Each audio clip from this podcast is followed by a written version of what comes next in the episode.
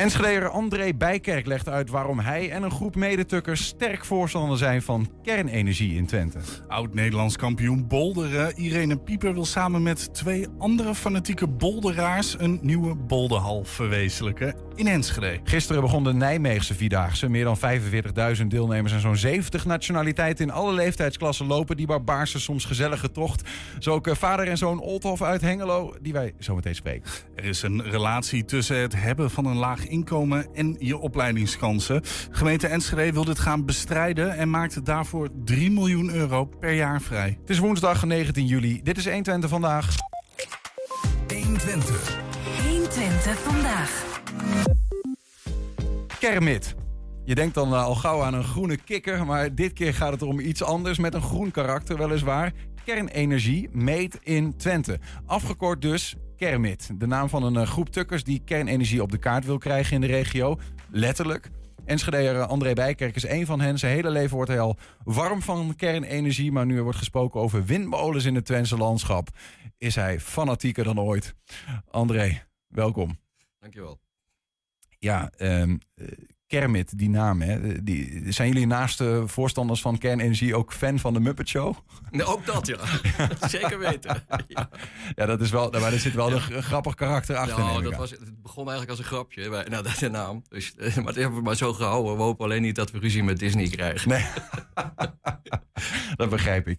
Ehm, jij bent overigens naast eh, daarbij betrokken, ook betrokken bij een, eh, de stichting e Elise, heet het? Ja, Elise? Stichting E-Lise. Ja. Elise. Ehm, eh, dat is een landelijke stichting die zich landelijk eigenlijk hard maakt, druk maakt eh, voor kernenergie. Ehm, maar maar goed, om eh, eerst in ieder geval even naar het, of het vooral bij het Twentse verhaal te houden. Wat is jullie Kermit? Sorry, om- Wat is jullie Kermit? Wat is dat? Kernenergie Nou, meet kern- in wij, Twente. zijn, wij zijn een, een, een, een groepje eh, mensen die dus eh, in essentie ge- getriggerd zeg maar, door de, door de energietransitie sowieso. Mhm. Maar dan ook met name over de windturbines in Twente. Daar, want ik ben dus ook nog eh, lid eh, van de stichting Behoud Twents Landschap. En wij tegen de grenzen aandreigen er dus nu toch al gauw 30 windturbines te ontstaan. En eh, wij zitten... in dat kader zijn we met een aantal, eh, zie je natuurlijk allerlei actiegroepen tegen windturbines ontstaan. Maar de vraag is natuurlijk direct van, als je dan geen windturbines wil, Ja. wat wil je dan wel? Ja. Dan hebben wij kernenergie in de aanbieding, om het maar zo te zeggen. En eh, wij willen dat proberen landelijk, maar ook zeker in Twente te proberen op de kaart te zetten. Ja. En wie is wij dan? Eh, Want Eh, wij zijn een mannetje van vijf of zes eh, mensen met techneuten, mag ik wel zeggen, eh, Ja. die dat eh, nu op, opzetten. En eh, dat groepje wordt steeds groter. En ik moet wel zeggen dat eh, daar de, de VVD van de, de VVD-fracties eh, in, in landelijk, maar ook lokaal, eh, provinciaal en ook in Denenkamp bijvoorbeeld, Peris, eh, Joris Poffers, eh, zijn eh, daar ook actief om dat pro- te proberen te promoten. En eh, om eh, gelijk te zeggen, in Joris om, om, sorry, om, om jullie groep te promoten of om kernenergie, Nee, te promoten? En het is nog best wel een beetje in ontwikkeling, die groep hoor. Laat dat Ja. helder zijn, maar we zijn wel een duidelijk groepje. En eh, zoals gezegd, de VVD in lokaal niveau praat daar ook mee. En in Dinkeland hebben ze nu net een motie aangenomen... waar het onderzoek toch ook wel naar kernenergie moet ontstaan. Ja, ja. Maar, maar om, toch even om het helder te krijgen. Dus we hebben 5 à 6 nu, en dat is een groeiende groep Twentenaren, techneuten, eh, die enthousiast zijn over kernenergie. Ehm, en wat doen jullie dan? Jullie komen dan samen en dan praten jullie erover? Ja. Of, of eh, ga je gemeente bewegen om, daar, eh, om dat te onderzoeken? Of hoe, wat, waar ben je mee bezig? Nou, hier en nu zijn we bezig om in, in eind augustus een bijeenkomst van een... Nou, ik denk dat we gewoon maar twintig man bij elkaar hebben, misschien wel meer... om te kijken hoe pakken we het aan om de lokale politiek, met name de lokale bestuurders... eh, om die te- warm te krijgen voor de- althans een onderzoek naar waar kunnen wij in Twente kernenergie kwijt. En dat gaat dan om locaties. En dat gaat om waar, als je dan energie hebt, waar laat je dat dan, hè, waar stop je dat aan de stekker, laat ik maar zo zeggen. Ja, ja. En, wanneer is die groep ontstaan? Nou, een paar jaar geleden of zo. Dat, eigenlijk die, ik zit zelf al met die vier jaar geleden met het ontstaan van de RES, hè, de regionale energiestrategie. Eh, toen begon dat hele gedoe over windturbines. Daar ben ik eh, met, met een paar andere mensen, eh, een grotere groep mensen, zijn we er al jaren mee bezig. Ja. En ja, eigenlijk loopt daar synchroon mee dat verhaal Ja, van die ja. kernenergie. Toen dachten jullie, wij hebben, er, wij hebben ook nog wel een alternatief. Ja, even, om- dat moet ik toch even uitleggen. Eh, eh, we hebben Klimaatakkoord Parijs. Die zegt in 2050 moet er zoveel eh, CO2-neutraal zijn. Oftewel minder CO2-uitstoot. En in Nederland is dat weer vertaald in doelen. Dat is in Twente weer vertaald in doelen. En daarin staat eigenlijk in die Nederlandse regionale energiestrategie opgave staat... vooral met zon en wind moeten wij eigenlijk de energie gaan opwekken in de toekomst. En nou ja, daarvan zeggen jullie dus die windturbines, eh, in ieder geval jij zelf ook, eh, die, die vind ik niet zo mooi in het Twentse landschap. Nou, dus ik heb een alternatief. Dat, dat is absoluut een, een, een item. Maar wij zijn ook van mening, als, als energiemensen. eh wij zijn ook van mening, en dat kunnen een aantal andere mensen in ons clubje. en ook in Elise trouwens voor, glashard voorrekenen. dat je met wind en zon er in 2030 niet uitkomt, laat staan in 2050. Hè, dan, dan ga je het met wind en zon niet redden. Dus er moet sowieso naar alternatieven naar worden gekeken. alternatieve energiebronnen moeten. Ja. En als je dan de, de energieopbrengst, eh, eh, en kijk maar naar Frankrijk. Als je dan de energieopbrengst van kernenergie ziet, eh, dan is dat toch wel een heel ander verhaal dan wind en zon. We gaan zo meteen wat dieper duiken in de, nou ja, laat ik zeggen, de technische aspecten, maar ook de veelgehoorde nadelen. En natuurlijk ook wat jullie zien als voordelen. Maar eerst even toch jouw eigen fascinatie. Want die gaat al veel verder dan die vier jaar dat er eh, de regionale energiestrategie is. En dat je denkt, nou, nu moet ik eh, even het gas bijzetten voor het kernenergie betreft. Eh, die heb je je hele leven al. Ja, toch wel, ja. Waar nou, ja, komt ik ben vandaan? natuurlijk groot geworden met, met, met eh, eh, ja, de Tweede Wereldoorlog hebben mijn ouders dan meegemaakt. Met Ja. eh, Hiroshima natuurlijk niet te vergeten, hè, Nagasaki, Ja. atoombommen. Het was niet heel positief voor kernenergie wat dat betreft. Nou, Die- dat is natuurlijk een heel ander verhaal. Hè? Dat de atoombom is natuurlijk iets heel anders dan een, een, een, een, een kerncentrale. En ja, een- de huidige kerncentrales, daar komt eh, spul van af waar je kernbommen van zou kunnen maken. Eh, maar goed, daar, daar kan ik nog een uur over vertellen. Maar uiteindelijk is natuurlijk de angst voor de, de, de, de, afvalproblematiek en, en de explosieproblematiek. Hè. Fukushima hebben we meegemaakt, we hebben Tsjernobyl meegemaakt. En iedereen denkt dat we nog in die sfeer van techniek denken. Ja. Maar eh, de, de huidige techniek, kijk maar naar Frankrijk en, en andere delen van de wereld. De ontwikkeling van de kernreactoren, om het maar zo te zeggen, die Mhm. is eh, natuurlijk volstrekt helemaal nieuw. Ja, En eh, we praten over kleinere kerncentra kern- kernreactoren, moet je zeggen. Hè, die dus eh, ook luchtgekoeld kunnen zijn, die watergekoeld kunnen zijn. En daar zijn een aantal technieken op dit moment ja. die die centraletjes zo eh, veilig kunnen bouwen dat daar eigenlijk eh, geen ramp mee kan gebeuren. Maar voordat we bij die, eh, bij die centrales komen, toch even van je zegt van ja, mijn, mijn ouders die maakten die oorlog mee. Nou, de, de, de, daar had je het over atoombommen. Later kwamen die centrales en, en ergens groeide ook jouw interesse voor het thema atoomenergie, kernenergie. Absoluut. Hoe, hoe dan? Was, hoe zag dat eruit?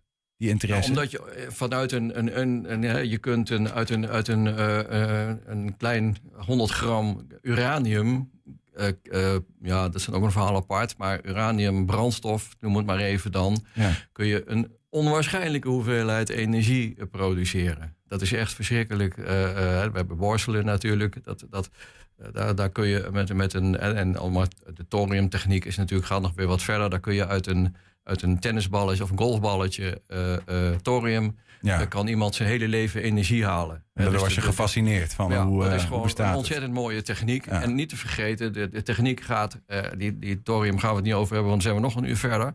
Eh, de techniek is op dit moment zo dat uiteindelijk ook de afvalproblematiek helemaal beheersbaar gaat worden.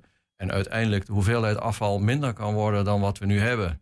Laten we er eens gewoon induiken. We hebben een, een, eh, een foto van, van een zogeheten eh, Small Modular Reactor. Dat is een afgekort een SME. Je ziet hem ook daar links in de Ja. hoek, eh, André, zelf. Aan die kant, zie je Oh, hem ook. Ja. Ja, goed zo. Ja. Ehm, Ja. eh, Dat- dit is waar het om gaat. Hè? Dit Ja. is waar mensen en jullie groep ook enthousiast over zijn. dit is een BWRX 300 van Hitachi General Electric. Dat is Zuid-Korea en Amerikanen en verzin maar wat. Dat is een gebouwtje dat gaat op drie, vier voetbalveldjes kun je dat kwijt. Dat is in feitelijk nog een, een, een eh, uraniumreactor zit daarin. En die produceert eh 24-7 produceert die 300 megawatt. En dat is ongeveer vergelijkbaar met eh 50 windturbines van 6 megawatt die niet continu draaien. En dit draait, dit draait gewoon eh, continu 300 megawatt en 60 jaar lang. Hoeveel, hoeveel eh, omgerekend, want ik ben niet zo eh, thuis in de megawatts. 300 megawatt zeg je, gelijk aan wat 60 windturbines zou doen. 60 van die hoge van Ja, 250 meter. Ja. Hoeveel energie wekt dit ding van hoeveel huishoudens kunnen hiermee uit de voeten dan? Eh, nou ja, wij vinden dat de provincie heeft net geroepen dat er 90 windturbines van eh 6 megawatt in Overijssel moeten komen. Hmm. Dat, dat maar dan met het doel op eh, 2030 is dan het, het idee dat je daar Dus met anderhalf van dit soort dingen kun je de hele regio bijna van energie voorzien. Ja. Ja, dat is bijzonder. Daar snap ik Ja. je fascinatie wel inderdaad. Ja, ja, ja. ja.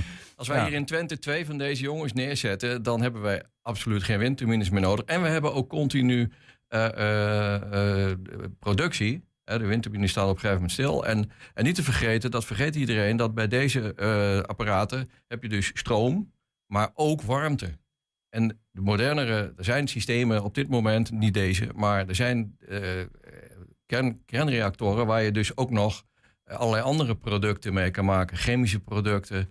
eh, en, en niet te vergeten, waterstof. En eh, dus je Ja. kunt met, met zo'n kernreactor kun je ook waterstof opwekken. ja, dat is ook weer een energiebron, maar daarvoor heb je een andere energiebron nodig om dat voor Ja, elkaar te dat- boksen. Je kunt dus hier een. een, een eh, kijk, die waterstof kun je weer opslaan. Hè. Deze kun je gewoon. Er zit een knopje aan bij wijze van spreken. dat je hem harder of zachter kan laten draaien. Ja. Maar je zou dus ook zeg maar waterstof kunnen produceren. wat alweer als brandstof in auto's. of, waar, of, of in Tata Steel of whatever kan gebruikt kan worden. Ja. Ehm, en ja, alleen de Duitsers vinden. en een hele hoop mensen in Nederland vinden dat dat dan niet duurzaam is. Eh, eh, omdat? Nou ja, de, de- het, Want het is toch CO2-neutraal, is zeg maar. Het stoot geen CO2 CO2-neutraal, uit. Of in ieder Dus, geval eh, ja. zo, zo weinig als windturbines en zonnepanelen doen, zeg maar. Eh, ja, dat is denk ik. Ik denk dat je misschien wel kan zeggen dat of vergelijkbaar weet ik niet. Daar moet je dan rekenneus op loslaten. Maar dit is absoluut CO2-neutraal. Ja. Wat is er dan niet duurzaam aan? Nou, de, de, de, de klacht is dan van ja, dat is uranium en dat is ook een, onuit, een, een niet helemaal. Dat, dat, dat raakt ook een keer op. Ja, dat is de brandstof feitelijk, zeg De, de maar. brandstof, hè, uranium. En wij Ja. gaan dan hopelijk straks op thorium over. Dus Ja. met, met, de, met, de kernre, met de kerntechniek, kernreactietechniek. En dan hopelijk dat een thoriumtechniek erachteraan. Kun je gewoon 300, 400 jaar mee verder. Ja, ja, ja, ja, ja, precies. En ze zeggen dan wind eh, eh, en de zon die blijft schijnen en wind blijft waaien. Ja, maar goed, windturbines op dit moment is het technisch is, is het, eh, is het zo dat die dingen toch zeg maar 15, 20 jaar meegaan, misschien een keer 30. En de problematiek van, van de grondstoffen van windturbines is ook niet gering. Helder. Ehm, er zijn nog wat andere dingen die al vaak worden gezegd als je kernenergie noemt, kerncentrales. Hè? Eh, en er, toch even een aantal tegen je aanhouden om te vragen hoe zit dat nou bij die SMR's? We hebben het bijvoorbeeld over eh, veiligheid. Hè? Dat is het nummer één. Hè? We kennen inderdaad Fukushima, Tsjernobyl, dat soort dingen. In Oekraïne wordt het gebruikt om min of meer de eh, chantagemiddel van hè, we zien jullie kerncentrale, kunnen hem aanvallen. Veiligheid in zo'n zo'n centrale? Nou, die, die veiligheids... eh, eh, de veilig, kijk, daarom is, ook de, productiecapaciteit... Deze bouw je trouwens binnen 7 à 10 jaar. Eh, en Rolls-Royce kan dat ook. Maar Nu al? Ja, ja, ja, zeker. Als we zeggen we willen er nu één, dan staat hij over tien jaar Nou, in in, Twente. In Ontario in Canada bouwen ze er zo een. Ja. En in Polen gaan ze er ook binnenkort mee aan de gang. Dit is weer een andere, geloof ik, van eh, Ja, West, eh, is, eh, Westinghouse is dit. Westinghouse is dat. Dat is een Nou ja, iets grotere, geloof ik. Maar Technisch aspect, Ja, is wat wouden we nou zeggen? Veiligheid. Nou ja, deze, kijk, de moderne techniek is natuurlijk zo dat de veiligheid is veel groter dan de, al die andere, tech- al die andere centrales die nu gebouwd zijn. En dat is, eh, de koeling is, is uitgedacht, de, allerlei rampen zijn uitgedacht. Eh, dat is echt wel veiliger dan nu. Eh, dan bij die oude centrales Ja, ja. eh, aan de orde is. En dan wordt er gezegd, het, het duurt te lang. Nou, dat is onzin, want eh, ik heb, in april heeft Rolls-Royce in Zwolle... Bij de, in het provinciehuis zelf verkondigd van... wij kunnen dat binnen 7 à 10 jaar. En Na is- zeven jaar vanaf nu, 2023, dan zou je de doelen voor 2030 nog halen, bij wijze van, zou je als bij dat waar spreken kunnen halen. Waarbij natuurlijk Ja. ook nog de vraag is of je met wind en zon die datum wel haalt. Maar oké, dat daar gelaten. Ja. Ehm, en dan wordt gezegd, het is te duur. Nou, als ik zie hoeveel miljarden en miljarden er nu in zon en wind gepropt worden... alleen al aan subsidies... hè, dan denk ik van, nou, eh, als, als ik dan alle rekenneuzen om me heen hoor en zie... dan denk ik van, nou, de kosten van wind en zon zijn waarschijnlijk vergelijkbaar met kernenergie. En wij betalen met z'n allen 16 miljard euro aan kabels voor de windturbines op zee. Eh, daar had je ook vier kerncentrales van kunnen bouwen. Ja, is dat zo? Ja, want eh, dat is inderdaad de veelgehoorde eh, ding is dan, oké, die eh, kerncentrales die kosten in ieder geval heel veel initiële investeringskosten. Ja, dus om het nou, te- te bouwen, hè, ja. en ook om er overigens het afval op te slaan en zo, maar om het te bouwen kost het veel geld. En bij een windmolen is dat wat makkelijker op te starten wat dat betreft. Ja, dat, dat, je kunt in een, een, een, tur- een windturbine kun je natuurlijk makkelijker opbouwen. maar daar heb je op de langere termijn natuurlijk veel meer, eh, veel meer afval volu- qua volume. Hè? Kijk, het afvalvolume, om daar even op, ook nog op de... Het is, uh, ja, Zo'n ander ding, hè? Afval. Radioactief afval is een ander veel gehoord. Ja, maar dat is, qua volume is dat fractioneel vergeleken met het afval wat je van en grondstoffen wat je met, met windturbines hebt. Er, staat in, in, naast Borselen staat een gebouwtje van de Covra. De Covra in Nederland gaat daarover. Dat is een bedrijf. Dat is een gebouwtje, dat is denk ik een grote sporthal. Daar zit, uh, zit dus ons radioactief afval van Nederland in. Dat is uh, eh, 95% is uh, medisch afval. En 5% van 60 jaar Borselen. Ja. Dus het is, qua volume gaat het helemaal nergens over. En niet te vergeten, in Frankrijk is een, een heel groot uh, uh, gebied. Nov, Nov, nou, even de naam kwijt. In de Laag is dat. dat is een, daar wordt alle kernstaven die verbruikt zijn, worden daar weer gerecycled. Dus er is al een heel recycling systeem van mm -hmm. de kernstaven die er nu is dus kortom, is, want ik bedoel, het gaat natuurlijk niet alleen maar om, om de, de, de inhoud, hè, hoeveelheid, maar ook om uh, nou ja, dat kernafval wat, in, dat, wat lastiger is dan de, het afval van een windmolen dat, niet radioactief is. Dat, maar dat is goed, hè, dat, dat gooien we nu ook niet meer dom in de zee, zoals vroeger gebeurde. Dat wordt natuurlijk in grote kelders en in glas en, en, en, en, en wordt dat opgeslagen. Finland heeft een gigantisch tunnelcomplex gebouwd recent wat klaar is inmiddels, waar je dus tot in grote diepte kun je dat tot in lengte van eeuwigheid, kun je daar bijna uh, kern, uh, ja, noem het allemaal afval even voor het gemak, restanten opslaan. Maar als de kernenergietechniek zich ontwikkelt zoals die nu laat aanzien, kunnen we dat materiaal ook weer verwerken in toekomstige kernreactoren. Ja, ja. Dus oh ja, dan kun je die gebruiken als brandstof. En in die thoriumcentrales, niet te vergeten, als dat lukt, en dat gaat waarschijnlijk zeer waarschijnlijk lukken, want het heeft al gewerkt, maar het is nog niet commercieel en uh, uh, ontwikkeld. De firma Thorizon is daarmee bezig in Nederland ook met name. En uh, daar kun je dus ook allerlei kern, letterlijk kernafval, wat vroeger met kernbommen, hè, dan kun je kernbommen, de, de, plutonium zit daarin onder andere, kun je daar gewoon in verbranden, zeg maar even. Dus dan blijft uiteindelijk fractioneel van de hele kern. Uh, troep die er in het verleden ook geproduceerd wegwerken. een fractie over en ook nog minder radioactief. Uh, wat ik me ook afvraag, in een klassieke kerncentrale is het verhaal dat moet, uh, heeft koelwater nodig. Hè? Dus dat moet eigenlijk bij bewegend, groot bewegend ja. bij een rivier bijvoorbeeld staan. Die hebben we niet echt in Twente, toch? Uh, nee, is dat bij de SMS? Ik, ik, heb zelf een, een, plan om, om dat met, met zandwinputten te doen. Maar goed, daar zijn mijn vriendjes het niet helemaal mee eens. Maar dat is nog een discussie. Maar die, die BWRX 300, die kan ook luchtgekoeld zijn. Die we daar net zagen, die, die ja. kleine reactor. En niet te vergeten, wat natuurlijk mooi is... dat een, een kernreactor produceert ook heel veel warmte. Dat, je kunt ook kern, kernreactoren kun je bouwen voor warmte, voor van alles. Dat kun je ook regelen. Hè. Je kunt ook meer of minder warmte laten maken. Mm -hmm. Um, en met die warmte kun je natuurlijk warmtenetten in Twente, uh, uh, daar kun je stadsverwarming mee maken. En je kunt er kassensystemen, je kunt daar hele kassen, als meer hebben we niet meer nodig straks. Als je dat zou doen, dan kun je een, een heel kassensysteem voor, uh, voor groenten en dat soort dingen van, van onderhouden, zeg maar. Ja, ja, ja als ik het zo hoor, hè, dan. Uh... En had ik, sorry dat ik even. Nou ja. Had ik gezegd dat, dat die BWRX die kun je dus ook luchtgekoeld maken. Ja, had je gezegd, ja, zeker. Ja, ja. Dus, dus in die kleine reactoren is koelwater, stromend koelwater, niet zo nodig als in de klassieke. Het is, uh, het is wel een punt van zorg. Hè. Ik, ik, zie dat in Frankrijk nu ook. Daar is het bloedheet nu op het moment. En daar hebben ze best wel een beetje een punt om die temperatuur uit de rivier uh, niet te hoog te laten worden. Ja, ja, ja, maar die hebben dan ook geen kassen en geen warmtenetten erachter hangen. Dus je, die kun, je kunt de warmte af laten vloeien, feitelijk, op die manier. gebruiken. Hè? Wij, wij, kijk, want nu, nu denkt iedereen dat wij met warmtepompen... Kijk, warmte, uh, dat die, die, die windturbines gaan dan warmte of elektriciteit opwekken... en dan stoppen we dat weer in onze hoe heet dat? Onze, onze oventjes en uh, magnetrons bij wijze ja. van spreken. En, en in warmtepompen en zo. Wat een gigantische hoeveelheid. En dus die warmte ja. die komt daar ook wel weer vrij. Maar goed, dit, is, een, dit is een punt waarvan ik, waarvan ik je hoor zeggen: van nou ja, daar moeten we, moeten over nadenken hoe ja. we dat doen. voor de rest voel, voel ik in ieder geval bij jou in alle, alle oprechtheid. naast het feit dat je gewoon niet van windmolens houdt. Maar ook gewoon echt wel fascinatie en interesse voor dit, dit ding. Zo'n SMR. Um, Twentenaren in bredere zin uh, zijn daar ook in ieder geval benieuwd naar. Hè. De Twents Inwonersforum, dat onlangs een advies... dat is een groep van 100 ja. willekeurig gekozen Twentenaren geweest... Um, die hebben een advies uitgebracht eigenlijk aan de mensen die de regionale energiestrategie vormgeven. Waarin staat, wij weten dat het voor, over zon en wind moet gaan in uw plannen. Uh, maar wij willen toch kernenergie onderzocht hebben. Dat heeft, begrijp ik, de RS nu ook overgenomen. Ze gaan toch kijken.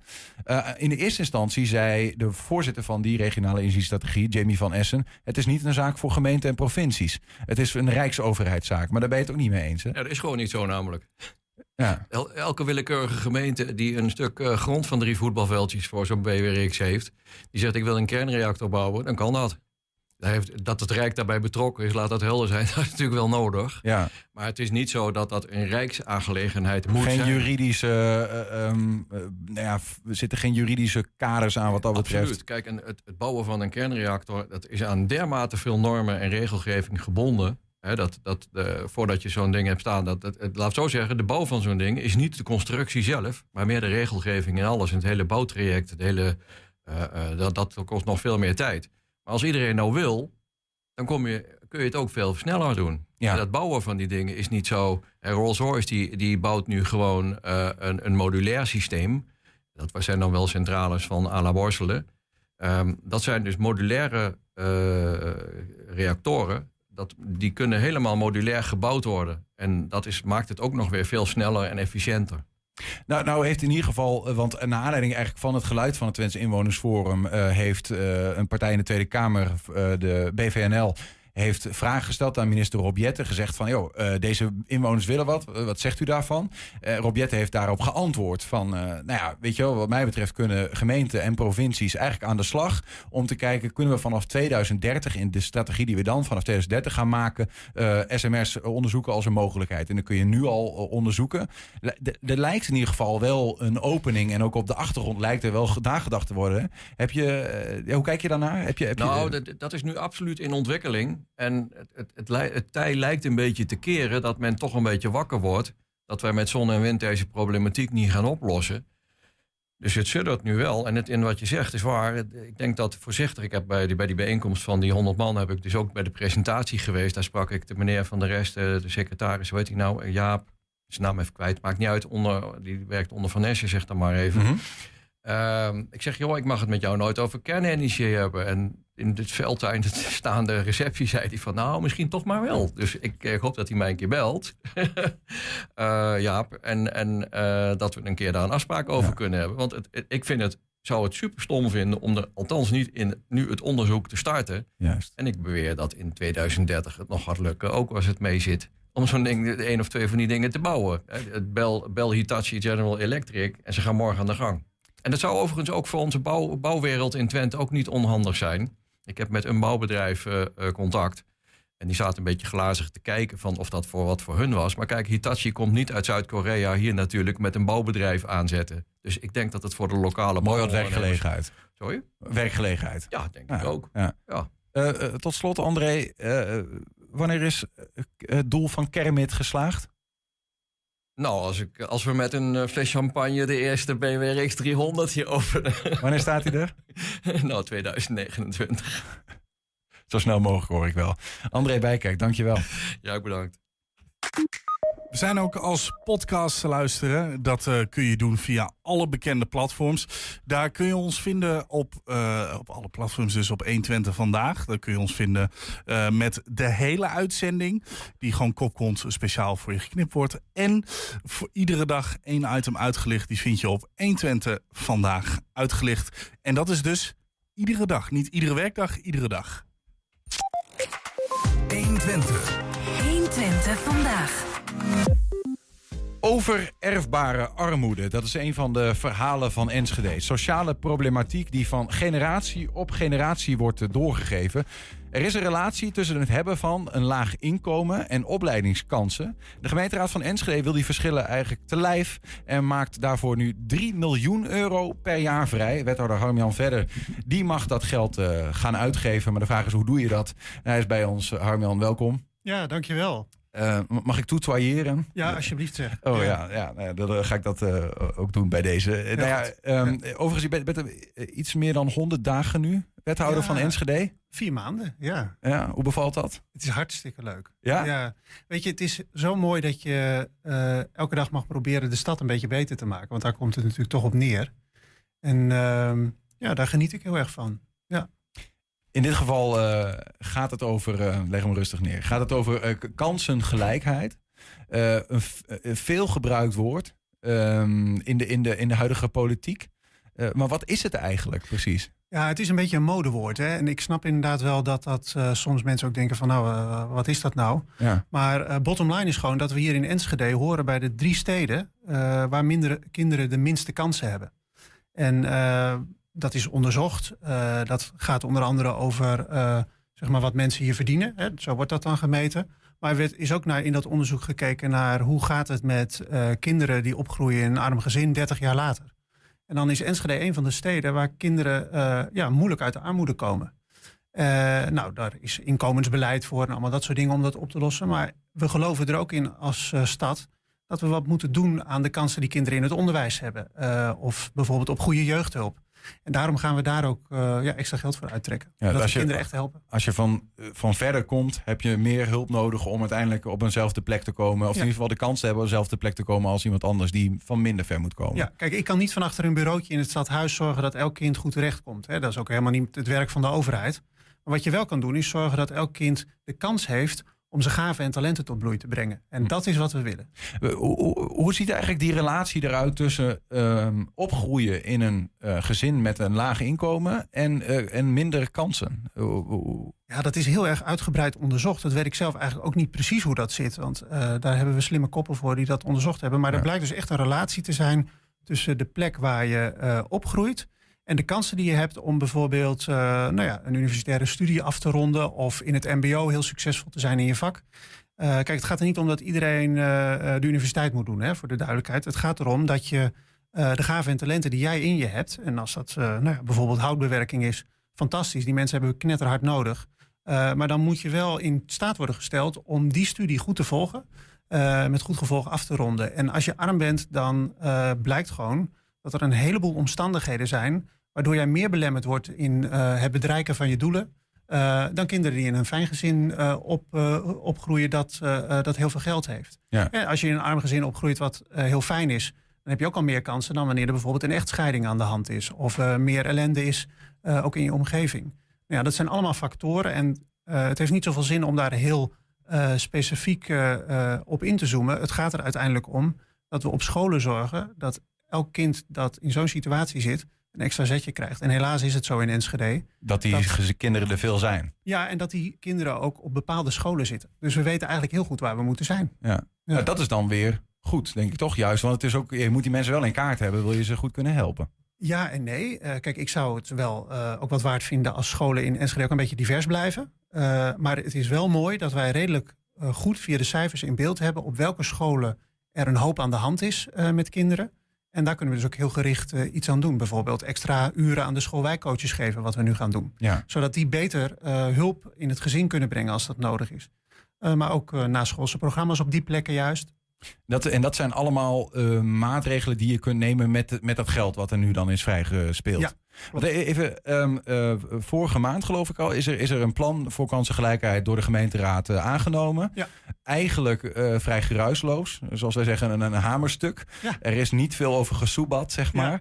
Ja, dat betekent, lijkt althans, dat er vrij veel eensgezindheid is. Of is het zo'n algemeen plan dat eigenlijk iedereen wel uit voeten kan zonder nee, gevaar te lopen? Dat is soms ook zo, als het heel geruisloos gaat, dat het, dat het vooral een beetje vaag papier is. Maar dit is best wel een concreet plan voor tien jaar. Dus we hebben ook met z'n allen gezegd, hier moeten we tien jaar aan gaan werken. Dit is niet iets wat we alleen in deze collegeperiode gaan doen. En er is gewoon heel hard gewerkt aan draagvlak. Ook al door mijn voorganger, hè, want je zei al, ik ben vier maanden bezig. Uh, maar er wordt er veel langer aan gewerkt. En niet alleen door de wethouder, maar ook door de raad zelf. Die hebben uh, speciale rapporteurs aangesteld. Die gingen werken ook aan draagvlak en ideeën rondom kansengelijkheid. Dus dit is echt een project waar eigenlijk de hele politiek in Enschede van heeft gezegd... dit moeten we tot een succes maken. Ja. En dat is er zo gaaf aan. En daar staat ook uh, vrij concreet in wat dan uh, maatregelen zijn... waar bijvoorbeeld geld naartoe gaat. Ja, tot op zekere hoogte wel. Uh, het is wel zo dat we nog zeg maar uitvoeringsplannen moeten gaan maken daarbij. En daarvan, daarmee gaan we echt precies zeggen van... deze ton gaat naar dat project en deze ton gaat naar dat project. Ja, ja. En omdat het tien jaar duurt... gaan we ook steeds in de gaten houden of het wel echt effect heeft. Want we hebben gezegd goede bedoelingen zijn op dit onderwerp niet genoeg. Als het zo slecht gaat met zoveel kinderen in Enschede, dan kunnen we niet volstaan met een plan en we gaan het maar uitvoeren en dan zien we over tien jaar of het effect heeft. We gaan het ook tussentijds eh, goed in de gaten Ja. houden. Bijsturen waar nodig. Maar ik heb wel een eh, eh, redelijk eh, beeld van waar we het aan, aan gaan uitgeven. Ja. Nou ja, misschien is dat goed om gewoon eens heel concreet proberen te maken. Want je, je noemde al iets over dus, de coaches die op, op bepaalde scholen wat meer worden ingezet. Ehm, eh, nou ja, het is 3 miljoen euro per jaar. Dat is best een zak geld. Ja, het is ook zo op hoor. Ja, is dat zo? Ja, Ja, dat valt mij altijd tegen hoeveel geld dingen kosten. Maar inderdaad, we proberen dat heel zuinig en goed uit te geven, zodat we zoveel mogelijk effect hebben. Ja. En wa- wa- waar, waar, waar gaat het nog meer naartoe? Eh, Nou, bijvoorbeeld eh, de biep op school is een van de onderwerpen die we hebben benoemd in, de- in dat plan wat we hebben gemaakt. Van, we zouden het echt mooi vinden als nog meer dan nu, want er zijn al veel eh, bibliotheken op school. de bibliotheek op school gewoon beschikbaar is. Zodat kinderen makkelijke toegang te- hebben tot boeken. Hè? Dus kijk, ik ga met mijn kinderen regelmatig naar de bibliotheek. Mhm. Maar er zijn natuurlijk ook gezinnen waarin dat minder vanzelfsprekend is. En dan is het mooi als school daar ook een rol in kan maar spelen. een school gaat toch standaard met kinderen naar de bibliotheek om een boek te Zeker. lenen? Maar eh, als je de bibliotheek op school hebt, kun je iedere week bijvoorbeeld een boek meegeven aan kinderen. In je school. In je school, ja, daar gaat het echt Ja. over. Dus dat je, eh, ik, je weet, ik ben zelf eh, directeur geweest van eh, basisscholen voordat ik eh, eh, eh, wethouder werd. En wij hadden op een gegeven moment ook de bibliotheek op school binnen. Nou, daar was ik razend blij mee. Want die kinderen die stonden gewoon, eh, ja, alsof het een snoepwinkel was, in die Ja. boekenkasten te duiken. Want er stond allemaal actueel aanbod van jeugdliteratuur. En gaan, we die gaan we die bibliotheken dan in specifieke scholen eh, zien? Eh, bijvoorbeeld waar ook die problematiek het meest, waar, waar de meeste van die kinderen zitten die nou ja, gewoon wat meer. Ja. Ja, daar beginnen we echt. Hè. Dus we gaan ons echt eh, heel erg eh, gericht gaan we het inzetten op die scholen waar het, eh, eh, waar het het meest nodig is. Uiteindelijk is op dit specifieke onder, onderwerp ons doel om alle scholen uiteindelijk te bedienen. Maar waarschijnlijk lukt dat niet helemaal met dit eh, geld. Dat Ja. moeten we nog een beetje verder onderzoeken. Eh, maar we gaan stap voor stap daar wel aan werken. Maar eh, andere onderwerpen, bijvoorbeeld die extra uren voor die schoolwijkcoach, die kan zorgen dat er extra hulp komt in gezinnen. Ja, dat gaan we heel specifiek op een aantal eh, scholen doen waar dat echt nodig is. Daar hebben we 15 plekken voor uitgekozen waar dat echt moet. Dat gaan we nog wel proberen uit te breiden, maar eh, eh, we beginnen echt bij de basis dan. Ja. Stra- Straks geen uh, Enschede's die denken, ik moet mijn kind op die school hebben. Want daar is eh, meer, wat meer bibliotheken in de school bijvoorbeeld. Nou, kijk, per saldo, dat gericht investeren in gelijke kansen werkt eigenlijk zo dat je op de plekken investeert waar kinderen nu minder kansen hebben. Mhm. En door dat te doen, hebben uiteindelijk alle kinderen in Ja. Enschede dezelfde kansen. Ja, dat is precies. de gedachte. Dus Je, je maakt gewoon, je trekt het eh, Ja. in evenwicht. er wordt wel eens een plaatje gebruikt van eh, eh, drie poppetjes. Eentje wat langer en eentje wat eh, minder lang en eentje heel kort. En daar worden dan krukjes onder gezet, zodat ze allemaal op dezelfde hoogte staan. Nou, dat is eigenlijk de essentie van het kansengelijkheidsbeleid. Ja. Dat we op die plekken zijn waar kinderen zo'n krukje nodig hebben. Overigens betekent dat niet, gelijke kansen is gelijke uitkomsten hè, per se. Nee, maar dat vind ik ook, dan zou ik ook heel bang worden van de overheid. Dan worden we een soort dictatuur waarbij we gaan bepalen hoe het leven van mensen moet lopen. Daar kunnen we niet aan beginnen. Maar wat we wel kunnen doen is zorgen dat er krukjes staan. Want als, eh, als de overheid daar al niet aan begint, ja, dan laat je kinderen echt aan hun lot over. Ja. D- een van de dingen die ook eh, deze week overigens is aangekondigd... is een, een familiehuis in Enschede West. Is dat ook een onderdeel van dit? Want daar wordt ook het kansengelijkheidsverhaal genoemd. Ja. Wat, wat is dat?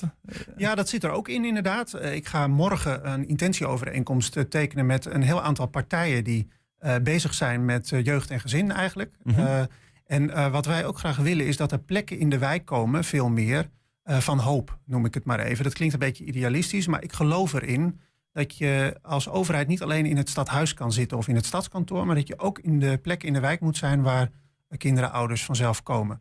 En dus hebben wij samen met de GGD, met de kinderopvang, eh, met allemaal organisaties, wijkwerk, allemaal organisaties die bezig zijn met de wijk en met gezinnen, Mhm. gezegd laten we dan een plek kiezen, in dit geval het Naaie Terphoes, waar we eh, met elkaar eh, gaan proberen om samen een soort eh, ja, ontmoetingscentrum te maken. Dat is het nu al, maar dat willen we dan ja, aanvullen met al die organisaties. En Maar daar, komen, daar kunnen ouders met jonge kinderen kunnen daar komen. gewoon als, als een wijkcentrum voor ontmoeting. Ja. En, en, en daar zit dan toevallig ook iemand, een welzijnswerker... die, nou ja, die kan helpen met bepaalde problematiek. Zo moet Ja, zo moet je het zien. Kijk, je gaat toch sowieso al naar het consultatiebureau hè, als jonge ouder. Dus nou, wat mooi is het als het ook op die plek zou kunnen. Dat gaan we nu onderzoeken of dat mogelijk is. Eh, je hebt, eh, in Oost heb je ook een school, hè, Lumen, waar, waar ook een consultatiebureau bij in zit. Mhm. We zitten veel meer te denken aan dat soort eh, manieren om dicht bij ouders te komen. Omdat die ouders zelf minder, zelf minder actief naar dit soort adviezen, adviesgevers toe gaan of zo. Want het consultatiebureau trouwens is volgens mij gewoon verplicht om naartoe te gaan. Zeker, ja. Maar ehm, Eh, nou ja, dat wordt in ieder geval heel erg gestimuleerd inderdaad. En de meeste ouders doen dat ook. Wat, onze gedachte is dat je op dat soort plekken uh, mensen sneller kan helpen. Want kijk, als je op het consultatiebureau komt en je zit zwaar in de shit als gezin. Uh, en je hebt opvoedingsondersteuning nodig of wat dan ook. Mhm. Dan is het, hoe mooi is het dan als, als ze daar kunnen zeggen van ik loop even een deurtje verder. En uh, dit is Thea, ik noem maar even wat. En die kan je verder helpen. Ja. Kijk, dat is een overheid die dichtbij is. En dat is wat we graag willen, zeker in dit soort gevallen. Maar ik moet wel zeggen, kijk, dit klinkt nu uh, alsof dit de kern is van dat uh, kansgelijkheidsplan. Het is een onderdeeltje, Ja. belangrijk onderdeel ook voor mij, want ik geloof er heel erg in. Uh, maar het belangrijkste is dat we gewoon uh, extra mensen in de klassen zetten, in de, in de kinderopvanggroepen, in de voorscholen. Dus dat er echt extra pedagogisch medewerkers zijn, bijvoorbeeld in groep 1 en 2. Op die plekken waar kinderen minder kansen hebben. Mhm. Om ervoor te zorgen dat we de ontwikkeling uh, van kinderen in groep 1 en 2 meteen al zeg maar, extra goed in kaart brengen. Uh, kinderen extra stimuleren.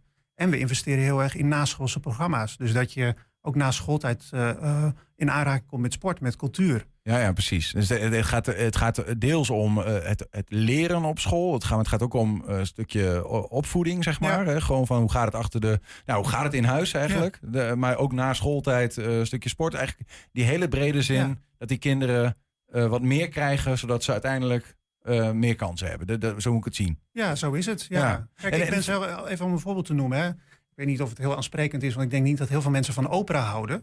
Maar ik kom zelf uit een gezin in Spakenburg. Eh, eh, eh, prima gezin, maar met cultuur hadden wij niet zoveel.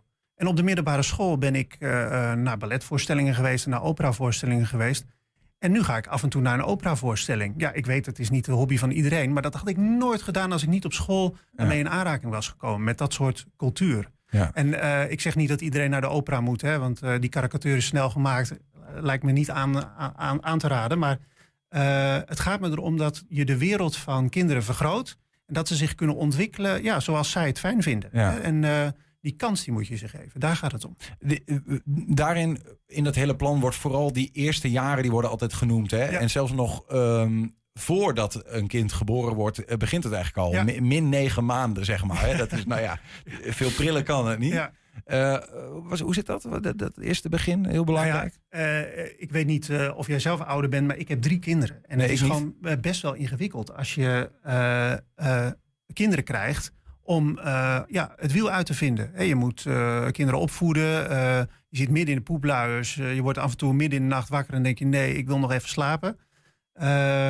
Nou, sommige eh, eh, gezinnen hebben meer netwerk om hen heen. Hè, mijn moeder die zegt dan van... joh, dat hoort erbij, eh, doe niet zo moeilijk. Maar er zijn ook gezinnen die dat netwerk niet om zich heen hebben. Die gewoon vastlopen in de opvoeding bijvoorbeeld. Mhm. Ja, en dan vind ik het fijn dat we wat extra hulp kunnen bieden aan dat soort gezinnen. Ook al in die hele vroege fase. Dus dat doen we met een programma als Kansrijke Start. Met opvoedingshulp. Met plekken waar je vragen kan stellen als je vastloopt. Het kan soms ook iets heel kleins zijn.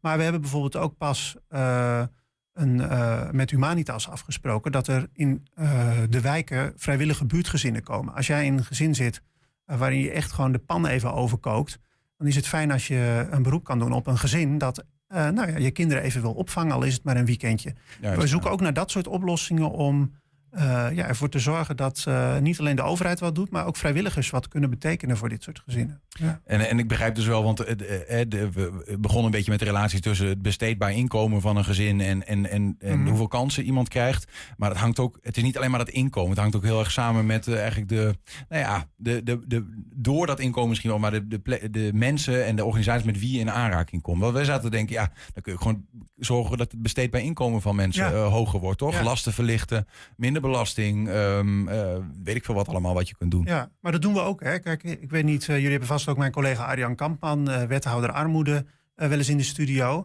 Wat die niet allemaal uit de kast trekt om bijvoorbeeld op het gebied van energiearmoede gezinnen een betere positie te geven. Dat doen we niet alleen omdat we vinden dat mensen een boterham moeten kunnen kopen, maar ook omdat we weten dat bestaanszekerheid, dat de, het inkomen van mensen van invloed is ook weer op hun kinderen en op de toekomst die hun kinderen hebben. Dus daar doen we wel wat aan. Alleen ja, je kunt niet eh, alleen met het verhogen van het inkomen die situatie oplossen. Je hebt ook het onderwijs nodig waar kinderen gestimuleerd worden om eh, ja, hun wereld te verbreden. Eh, dat is de rol van het onderwijs. En we merken gewoon uit onderzoek dat dat voor het ene kind makkelijker is om te doen dan voor het andere kind. En met dit geld kunnen wij Ja. ook die kinderen voor wie het wat minder makkelijk is een zetje geven. Het is wel een project van de lange adem, denk ik. Het is Yes. niet iets wat je eh, nou ja, vandaag implementeert Ja, en volgend ja, ja. jaar heb je die. eh, tien jaar had je het al over, wordt er nu eh, eigenlijk getoetst van nou, wel- welke dingen helpen wel, wat helpt Mhm. niet. Eh, wa- wanneer, wat is er een einddoel, een stip op door? Hoe, hoe meet je nu zijn we kansen gelijk? Ja, nu heb je wel een gevoelig punt te pakken. Want ik heb daar zelf enorm mee geworsteld. Mijn ambtenaren die hebben natuurlijk hierover nagedacht, samen met het onderwijs en zo.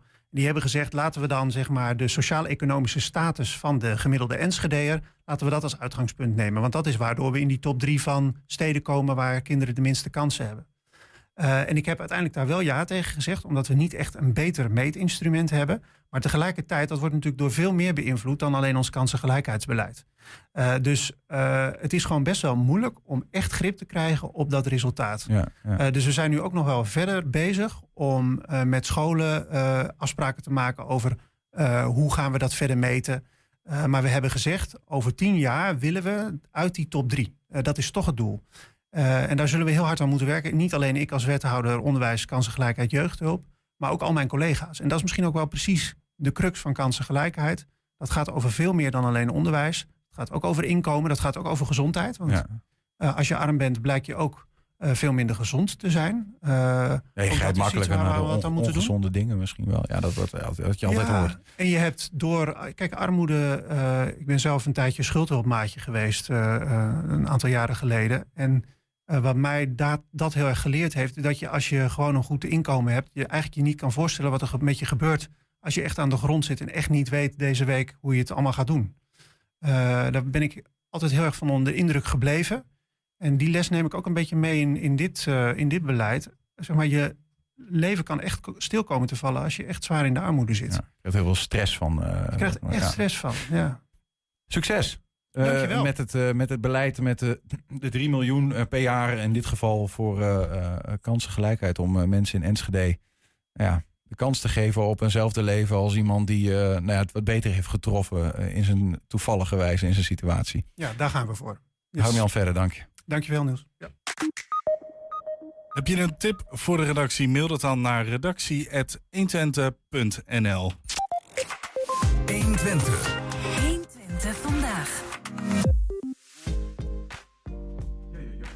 Oh, sorry. Het is hier zo warm. Het, is- het is Maar- hier niet normaal warm. Maar Eh, wa- we je gaan waar met het nog warmer is? Ja, nou, ja, dat weet ik eigenlijk niet zo goed. Eh, we, gaan, we gaan even met de gedachten naar Nijmegen. De Nijmeegse Vierdaagse is namelijk in volle gang. Dinsdag is het eh, grootste wandelevenement ter wereld weer van start gegaan. Meer dan 45.000 deelnemers en 70 verschillende nationaliteiten van 11 jaar tot eh, 90 plus, let wel ja, trekken elk jaar naar Nijmegen om de wandeltocht der wandeltochten te volbrengen. Met als beloning natuurlijk dat fel, felbegeerde Vierdaagse kruisje. Dit jaar lopen er ook weer veel eh, Twentenaren mee en zelfs drie generaties uit Hengelo, namelijk Jo- Johan Oldhof, zijn zoon Arjen en eh, kleinzoon Giovanni. Aan de telefoon is eh, vader Johan. Goedemiddag. Hi, goeiedag. Hoe ik is ben het? eh, Arjen, ik ben de middelste. Oh, ik excuus, eh, excuus. ik zal Johan wel even geven. Ja, ja, nee, ik had, ik had begrepen dat we Johan aan de lijn hadden. Ja, dit, ja, dit is wel het nummer van Johan, dat klopt. Maar hier komt hij. Oké, ja. Johan hier. Ja, hey. Johan. Jo- Johan, de tweede, tweede dag van de Nijmeegse Vierdaagse. Hoe, eh, hoe, hoe gaat het? Zijn jullie al binnen vandaag? Nou, nee, dat ging vandaag wel eh, lekker. eh, ging echt wel lekker, ja. Welke route stond er op het programma? Ja, de route via Wiegen. De route Wiegen. Ja, ik, de route Wiegen, dat is de tweede dag. Eerste dag is de dag van Elst, tweede dag Wiegen, derde dag Groesbeek, vierde dag Kuik. Dus de tweede dag eh, via Wiegen gegaan. En Maar het is wel, eh, ja. eh, zijn jullie al binnen vandaag? Wij zijn binnen, ja. We lopen, zijn nu op weg naar ons overnachtingsadres. En Johan, even eh, Ja. eh, eh, wat we nog niet genoemd hebben, wat in jouw geval wel heel bijzonder is. Eh, Je doet al 60 jaar mee. Ja, dus de 60 keer, ja. Klopt. Dus eh, dat is ongelooflijk, hè? Nou, ik vind dat het wel meevalt. Oh ja? Volgens mij ben je, zijn er niet veel meer van, van, van jouw soort daar eh, op, op, Nou, ik- in het Ik Nijmeegse. moet, ik moet eerlijk zeggen dat ik dus eh, dacht dat ik inderdaad eh, bovenaan stond. Maar dat was niet zo. Maar, nou, nee, dat is niet zo. Kijk, ik ga natuurlijk ook naar leeftijd kijken. Qua leeftijd daar zijn er nou dit jaar drie op de 60. Maar qua leeftijd ben ik daar inderdaad de jongste van. Ja, oké. Maar ik las, in de, ik las in het weekend in de krant dat er dus iemand is die van 80 jaar, die doet voor de 63 keer mee. Dus ik heb nog een paar jaar te gaan. Ja, ja, maar goed, jij kunt nog wat langer mee, dus wie weet haal je ooit het record. ja, ja, ja. hey, eff- even een quizvraagje aan je. Eh, hoeveel kilometer heb je in totaal gelopen als je 60 edities Nijmegen Vierdaagse hebt gedaan? Oh, Ik heb het uitgerekend. Uit uitgerekend? Ja. Nee, maar dat kun je niet weten. Het- eh, oh nee? Nee, ik kan het niet weten. Ik heb twee keer over de 30 gedaan. Oh. Ik heb drie keer over de 40 gedaan. Ik heb één keer 55 gedaan. Ik heb drie keer over 40 gedaan met bepakking. Dan moet je allemaal aftrekken van die 60. En Aha. dan blijft de rest blijven over. Voor, ja, oh nee, ook nog weer voor 40 jaar. Nou, Johan, en voor even, ik, 30, nou loop ik 30. Ja, het wordt heel ingewikkeld. ik ben even in het extreme geval uitgegaan. Als je 60 keer de volle Nijmegen Vierdaagse van 50 kilometer per dag loopt, vier dagen lang, Ja. eh, dan heb je in totaal 12.000 kilometer gelopen. Nou, het zal er niet ver vanaf liggen, denk ik. Nee, dat zal, Ja. nee, dat zal nog weer kloppen. Hoe begon dat ooit in jouw geval? Ja, ik, eh, in 1960 was ik bij mijn oma op bezoek. En toen liep een oom van mij mee. En die kwam eh, thuis. En die had zulke mooie verhalen dat ik zei, doe ik volgend jaar mee. Nou is het toeval, want dat reglement verandert namelijk nogal eens. Toen de tijd was het zo, het jaar waarin je eh, 14 werd, maar ik ben van 1947, dan eh, mocht je meedoen. En dat was toevallig in 1961 zo. Dus het was... eh, Je hebt meteen Ja, meegedaan toen het mocht. ja, toen heb ik ook al gelijk meegedaan, ja. Eh, eh, nou, eh, nou eh, dit jaar inmiddels lopen er drie generaties mee. Jijzelf, jouw zoon en de zoon van jouw Ja. zoon. Maar het is eigenlijk nog een beetje extremer. Oh. We hebben, er komt nou een gezin, dan praat ik eigenlijk over mijn eigen gezin. Met natuurlijk ook de aangetrouwden erbij. Dan hebben wij van negen personen, hebben er zeven de Vierdaagse gelopen. Is dat een Dus- soort virus? Is dat een soort virus dat rondgaat in de familie? Het zal wel.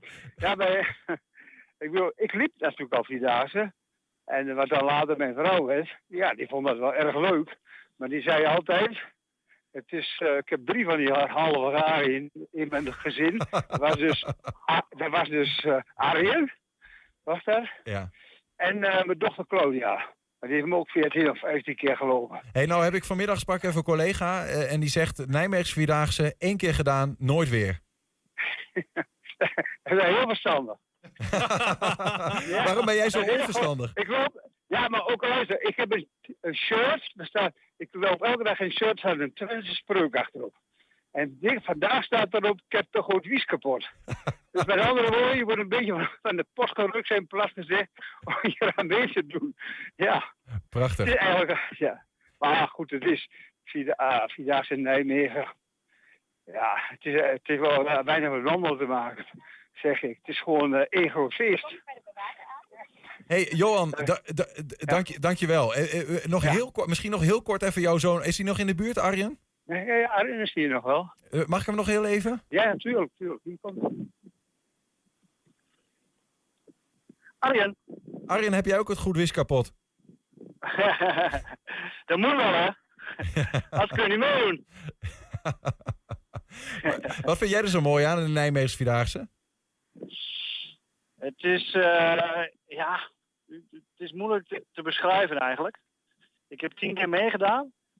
En elke keer als ik dan eh, bij de Vierdaagse van Nijmegen kwam en ik deed niet mee, dan kreeg ik echt rillingen over mijn lichaam en begon alles te jeuken. En je, je wilt eigenlijk gewoon meedoen. Dat, is gewoon, dat heet gewoon verslaving hè, in de volksmond.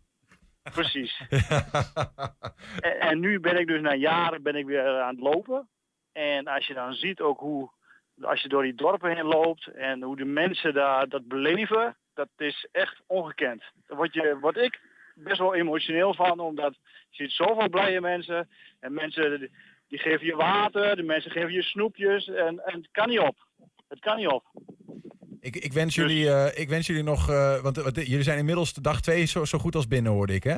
Ja, klopt, we zijn binnen. Ja, Ja. Nou, eh, nog twee dagen voor de boeg, eh, Groesbeek en Kuik. Super veel plezier dan vooral, eh, Arjen, met Heel lopen. goed.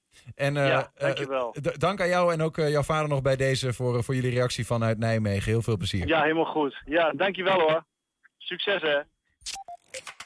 120. 1 120 vandaag.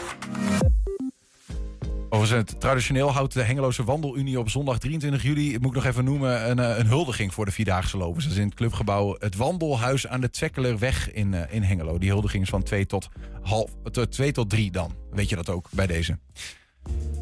De Olympische Spelen is sinds een aantal jaren een sportrijke, namelijk boulderen. Oftewel ongezekerd tegen een eh, lage wand opklimmen. En hierbij zijn drie onderdelen, speed, boulder en lead.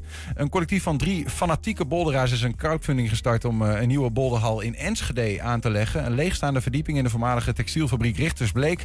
wordt omgetoverd naar het... eh, tot het Boulderstation, zo moet het gaan heten. Bij ons in de studio is een van de aanjagers van het project. Is niet de minste oud-Nederlands kampioen boulderen, Irene Pieper. Irene, welkom.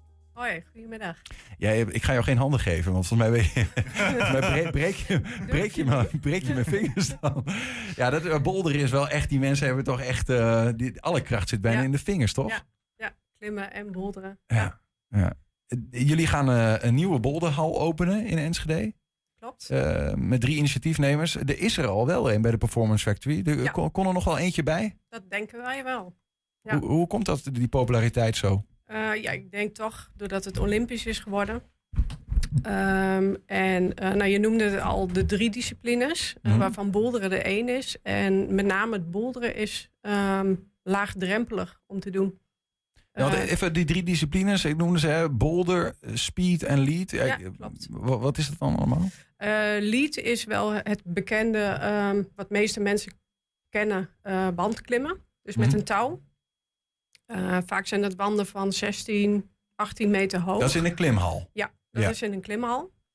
Uh, dan heb je nog uh, het speedklimmen. Uh, daar gaan twee klimmers heel snel tegen elkaar. Het, het record ligt onder de 5 seconden en die wand is 16 meter hoog. En, en nog steeds met die knopjes, met Ja. die kleine knopjes. Ja, ja, twee klimmers tegen elkaar. Dan zit er een knop aan de bovenkant uh, waar ze opdrukken als ze er zijn. Nou, degene met de groene knop heeft gewonnen. Ja. En die gaat dan weer een uh, ronde, ronde verder. Maar dat is ook 16, dat is ook gezekerd dus Ja, in ja, dat geval. verzekerd. Want Ja. bolderen, het- eh, tenminste dat is wat ik ervan van ken, is de specifieke eigenschap van eh bolderen is dat je dus ongezekerd tegen een vrij kortere wand op. Klopt. Ja, die wanden zijn maximaal 4,5 meter hoog. Uh, en er ligt een hele dikke valmat uh, onder. Daar Mhm. kom je dus terecht. Um, maar omdat je dus niet aan touw klimt en dus niet iemand nodig uh, hebt die dat touw voor jou uh, zekert, ehm, kun je gewoon zelf naar zo'n boulderhal toe gaan. Ja, ja.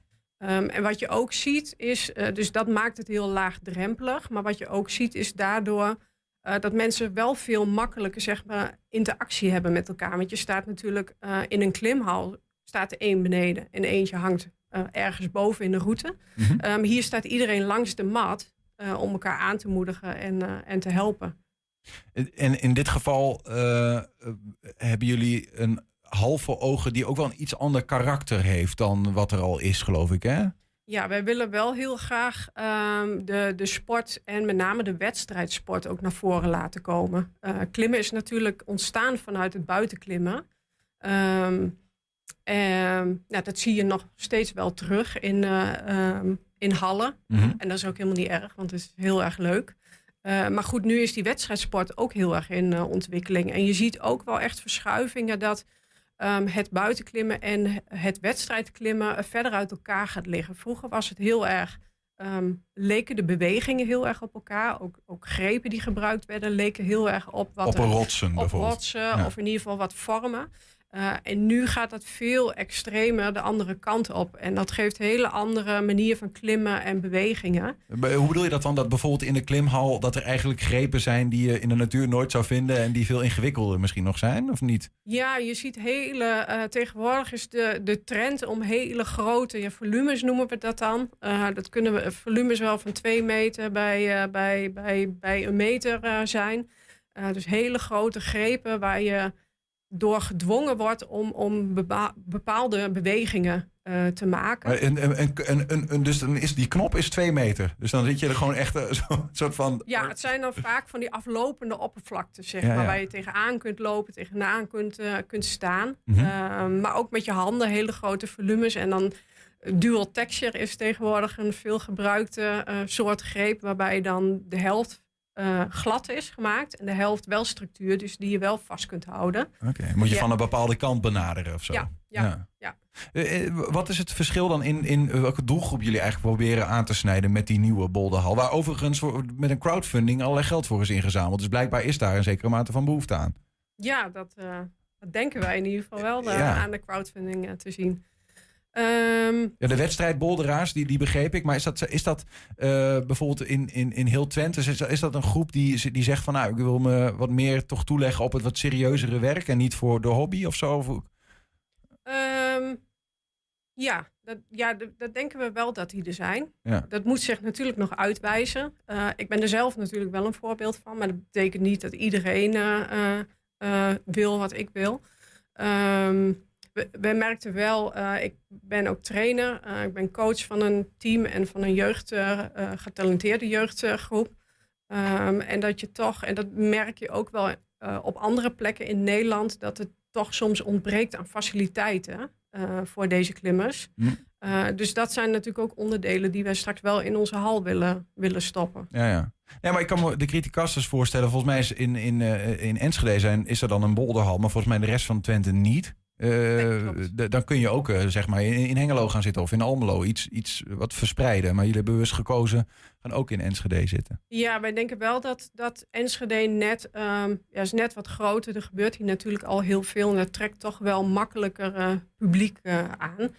Ehm, ja, daarbij zit hier natuurlijk hogeschool, eh, universiteit. Dat zie je Ja. ook wel veel. eh, dat, dat, eh, Veel dat jonge klim- mensen. Ja, en dat klimhallen toch wel heel vaak voor dat soort eh, ehm, steden kiest. Ehm, en er zijn meerdere voorbeelden al van, van plaatsen waar grote hallen, meerdere grote hallen zitten in één plaats. En het gaat prima.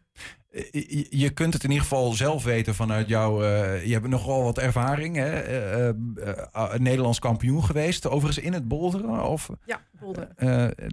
d- en dat, dat is denk ik nog niet zo heel lang überhaupt een sport waarin je Nederlands kampioen kan worden. Nee, dat klopt. Nou, inmiddels is, is het al wel even geleden. Ja. Voor mij is het twintig jaar geleden. Oh, nou, dat is inderdaad wel. En, maar wel ehm, eh, echt in de beginperiode. Ehm, ik ben zelf eh, als leadklimmer, dus als wandklimmer eh, eh, begonnen. Daar ook wedstrijden in geklommen. Ehm, en op een gegeven moment kwamen echt die boulderwedstrijden. En toen heb ik wel de keuze gemaakt van, ja, ik ga verder in dat boulderen. Wat is daar zo, wat, wat vind je daar de charme aan? Hetzelfde wat je net beschreef eigenlijk, het sociale aspect? Ehm, nee, ik denk toch wel de manier van bewegen. Ik, ik omschrijf een boulder altijd als een, een klimroute waar eh, ehm, de minder moeilijke stukken of de wat saaiere stukken tussenuit gehaald zijn. En dan hou je echt een aantal bewegingen over. Vaak zijn het zo'n zo'n acht, eh, zeven, acht eh, passen. Ehm, ja, en dan hou je de interessante passen zeg maar over. Je dacht met wat dat klimmen, kosten, Wat hoog klimmen dacht jij van, eh potverdikke Ja. deze is wat Ja. saai en die, als je die nou tussenuit Ja, sloopt, nou, dan hou je zeggen bolderen over. Ja, dat hoogte was ook niet helemaal altijd mijn, mijn ding. Ehm, en, maar ja, je maakt toch soms net wat extremere bewegingen. Ehm bent net wat meer aan het ja, puzzelen, noemen wij dat. Om te kijken van hoe ga ik dit, eh, dit oplossen. Mhm. Ja, en dat maakt voor mij het boelderen eh leuker. Eh, kom je jezelf uit de buurt? Ja, ik kom uit Goor. Oké, ja, ja. Maar wat, ben jij dan zeg maar nu nog bezig met? Slash, wa- waar doe je dat dan zelf nu? Nu dat nog niet, ja, in Enschede jullie hal er in ieder geval nog niet is. Ja, tot voor kort eh, in de andere boelderhal hier in Enschede. Ja, precies. Wat Ja. vinden ze ervan dat je zelf een andere bolderhal gaat openen? Eh, ja, daar moeten ze wel even aan wennen. maar ja, ik denk eh, dat, dat als we daar, eh, ehm, als we dat samen oppakken, dat we gewoon het bolderen hier gewoon nog populairder kunnen maken. En ik denk dat dat qua bezoekers dat dat prima samen moet gaan en dat we gezamenlijk alleen maar meer bezoekers eh, kunnen krijgen. Heeft de Enschede, ik, ik zit er helemaal niet in, hè, maar heeft Enschede de potentie om, eh, om, om de volgende NK bolderen te, te leveren? Wat? Hoe, hoe leeft dat hier? Of Twente? Ehm, nou, ik moet zeggen dat, dat ik daar niet specifiek over nagedacht eh, heb. Op zich, de nationale wedstrijden die worden nu georganiseerd. Een, eh, een eh, wedstrijden die wat nog minder hier georganiseerd eh, worden, eh, zijn de regionale wedstrijden. En die vinden we eigenlijk wel heel belangrijk, omdat dat, ehm, ja, daar moeten de jeugd terechtkomen. Precies, daar begint het. Ja. Eh, en die moeten doorstromen naar het nationale. Dus daar moeten wij, eh, nou wij, nu praat ik eventjes niet als boulderstation, maar als hoofdcoach van de, de talenten, daar moeten wij onze aanwas vandaan krijgen. En die regionale wedstrijden, die, ehm, ehm, ja, die moeten hier nog wel echt doorontwikkeld worden. Hoe- hoe- hoe- wanneer begon dat bij... Want je, 20 jaar geleden werd je Nederlands kampioen eh boulderen. Dat begon, daarvoor zei je, deed je aan lead. Dus oftewel het klimmen met een touw heb ik nu net van jou geleerd. Eh, wanneer begon je daarmee? Hoe laat? Of hoe laat? Hoe, Ehm, nou, ik was voor nu begrippen wel vrij oud al. Ik was 16. Eh, en nu beginnen klimmen, kinderen natuurlijk veel jonger al met klimmen. bedoel, wanneer begint dat? vanaf zes jaar kun je, kun je les nemen. Eh, dus ja, dan beginnen kinderen al met klimmen. Dus dat is tien jaar eerder dan eh, dat ik ben begonnen. Ja, ja. Ja, en, en dat is ook iets wat jullie dus zeg maar even in die, in die bolderhal die jullie voor ogen hebben wel willen aanmoedigen van ja, eh, zorg dat je als je wat meer fanatiek wil kun je ook op jonge leeftijd er gewoon al beginnen. Ja, en, en dat hoeft niet per se fanatiek. We gaan echt wel ook gewoon klimlessen aangeven. hè. We willen wel een boelderhal zijn voor iedereen. Dus van elk niveau. Eh, ook al bieden we net misschien ehm, het ietsje anders aan. We zullen wat meer trainingen aangeven dan een eh, gemiddelde boelderhal doet. We zullen wat meer eh, advies geven. eventueel personal training. Eh, maar we gaan zeker ook, ook met de jeugd aan de gang. En ik denk dat ehm, klimmen ehm, echt wel een sport is waar je... Tegenwoordig is het heel belangrijk breed ontwikkelen in de sport, wordt heel veel gezegd. Ehm, sowieso natuurlijk kinderen aan het sporten krijgen. En daar is klimmen, boulderen wel een hele interessante sport voor. In, in de, omdat je met allerlei dingen in aanraking komt, eh, sportief gezien. Ja, het is eh, beweegtechnisch is het, is het heel veel, veelzijdig. Ja. Ehm, ja, en ik denk dat het voor kinderen gewoon ook echt heel erg leuk is. Het zit ook in de natuur om tegen Ja, nou ja. leuke dingen op te klimmen. Ik heb daar eh, allerlei beelden bij inderdaad. Dat kinderen, volgens mij hoeven die niks te zeggen. Als die zo'n muur zien, dan zijn ze al meteen weg. Eh, heel even nog naar die, naar die crowdfunding. Want hoe is dat gegaan eigenlijk? Want je hebt 80.000 euro geloof ik hè, bij elkaar ge- gesprokkeld. Klopt dat? Ruim 92.000. Ruim 92, pardon. Ja. Eh, eh, eh, wa- wa- waar komt het vandaan? Gewoon mensen die dachten van eh, dit moet er komen. Eh, in eerste instantie eh, familie, bekenden. eh, maar uiteindelijk ook, eh, ook zijn we natuurlijk de boer op gegaan. eh, social media ingezet. dat is een Eh, behoorlijk mensen bedrag. uit de klimwereld. Ja, Ja. Ja. En dat zijn gewoon allemaal eh, eh, Twentenaren of ook daarbuiten. Nee, die zeggen ook van eh, wij steunen dit initiatief. Ja, mensen uit, eh, uit de sport, uit de Nederlandse klimsport hebben we er ook wat tussen gezien. En met dat geld kunnen jullie dus die oude fabriekshal ombouwen tot een boulderparadijs. Ja, een groot deel van de financiering hebben wij zelf gedaan. En dit is net het laatste stukje wat we nog nodig hadden om, om alles ook mooi in te richten. Eh, mooie grepen, want er gaan best wel heel veel grepen in zo'n wand. Ehm, daar is deze crowdfunding voor eh, bedoeld. En dat is gewoon een gift van die mensen? Of eh, is dat een soort van Nee, nee, nee. investering? Krijgen ze dat weer terug als is het goed een gaat lopen? investering. Ehm, het is een lening. Die krijgen ze in, in vijf jaar weer terug.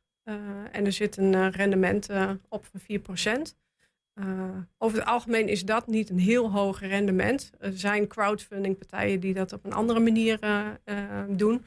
Ehm, maar er zitten ook nog een aantal leuke beloningen. Het is echt een investering in, eh, in het concept, in de sport in dit geval, eh, die je doet. Ja.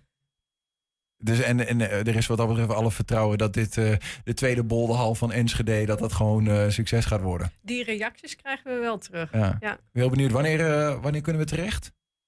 In de loop van september. In de loop van september. En nog één keer de naam, hoe gaat het heten? Boulderstation. Bolder Station. Irene Pieper, dankjewel. Veel succes met het initiatief. Dankjewel. En daarmee zijn we ook aan het einde gekomen van 120 vandaag. Terugkijken, dat kan direct via 120.nl. En vanavond om 8 en 10 zijn we ook op televisie te zien. Wij zeggen in ieder geval tot morgen. Blijf op de radio hangen. En ketting en de kettingreactie. Ciao. 120 Weet wat er speelt in Twente. Met nu het nieuws van 5 uur. Ik ben Peter van Oudheusen. Goedemiddag. De Duitse politie heeft iemand opgepakt voor een steek- en schietincident in Winschoten in Groningen. De man was op het vliegveld van Düsseldorf toen hij door agenten werd meegenomen. In en rond Winschoten is de laatste tijd vaak geweld en mensen voelen zich onveilig. Daarom werd een groot feest daar vorig weekend afgelast.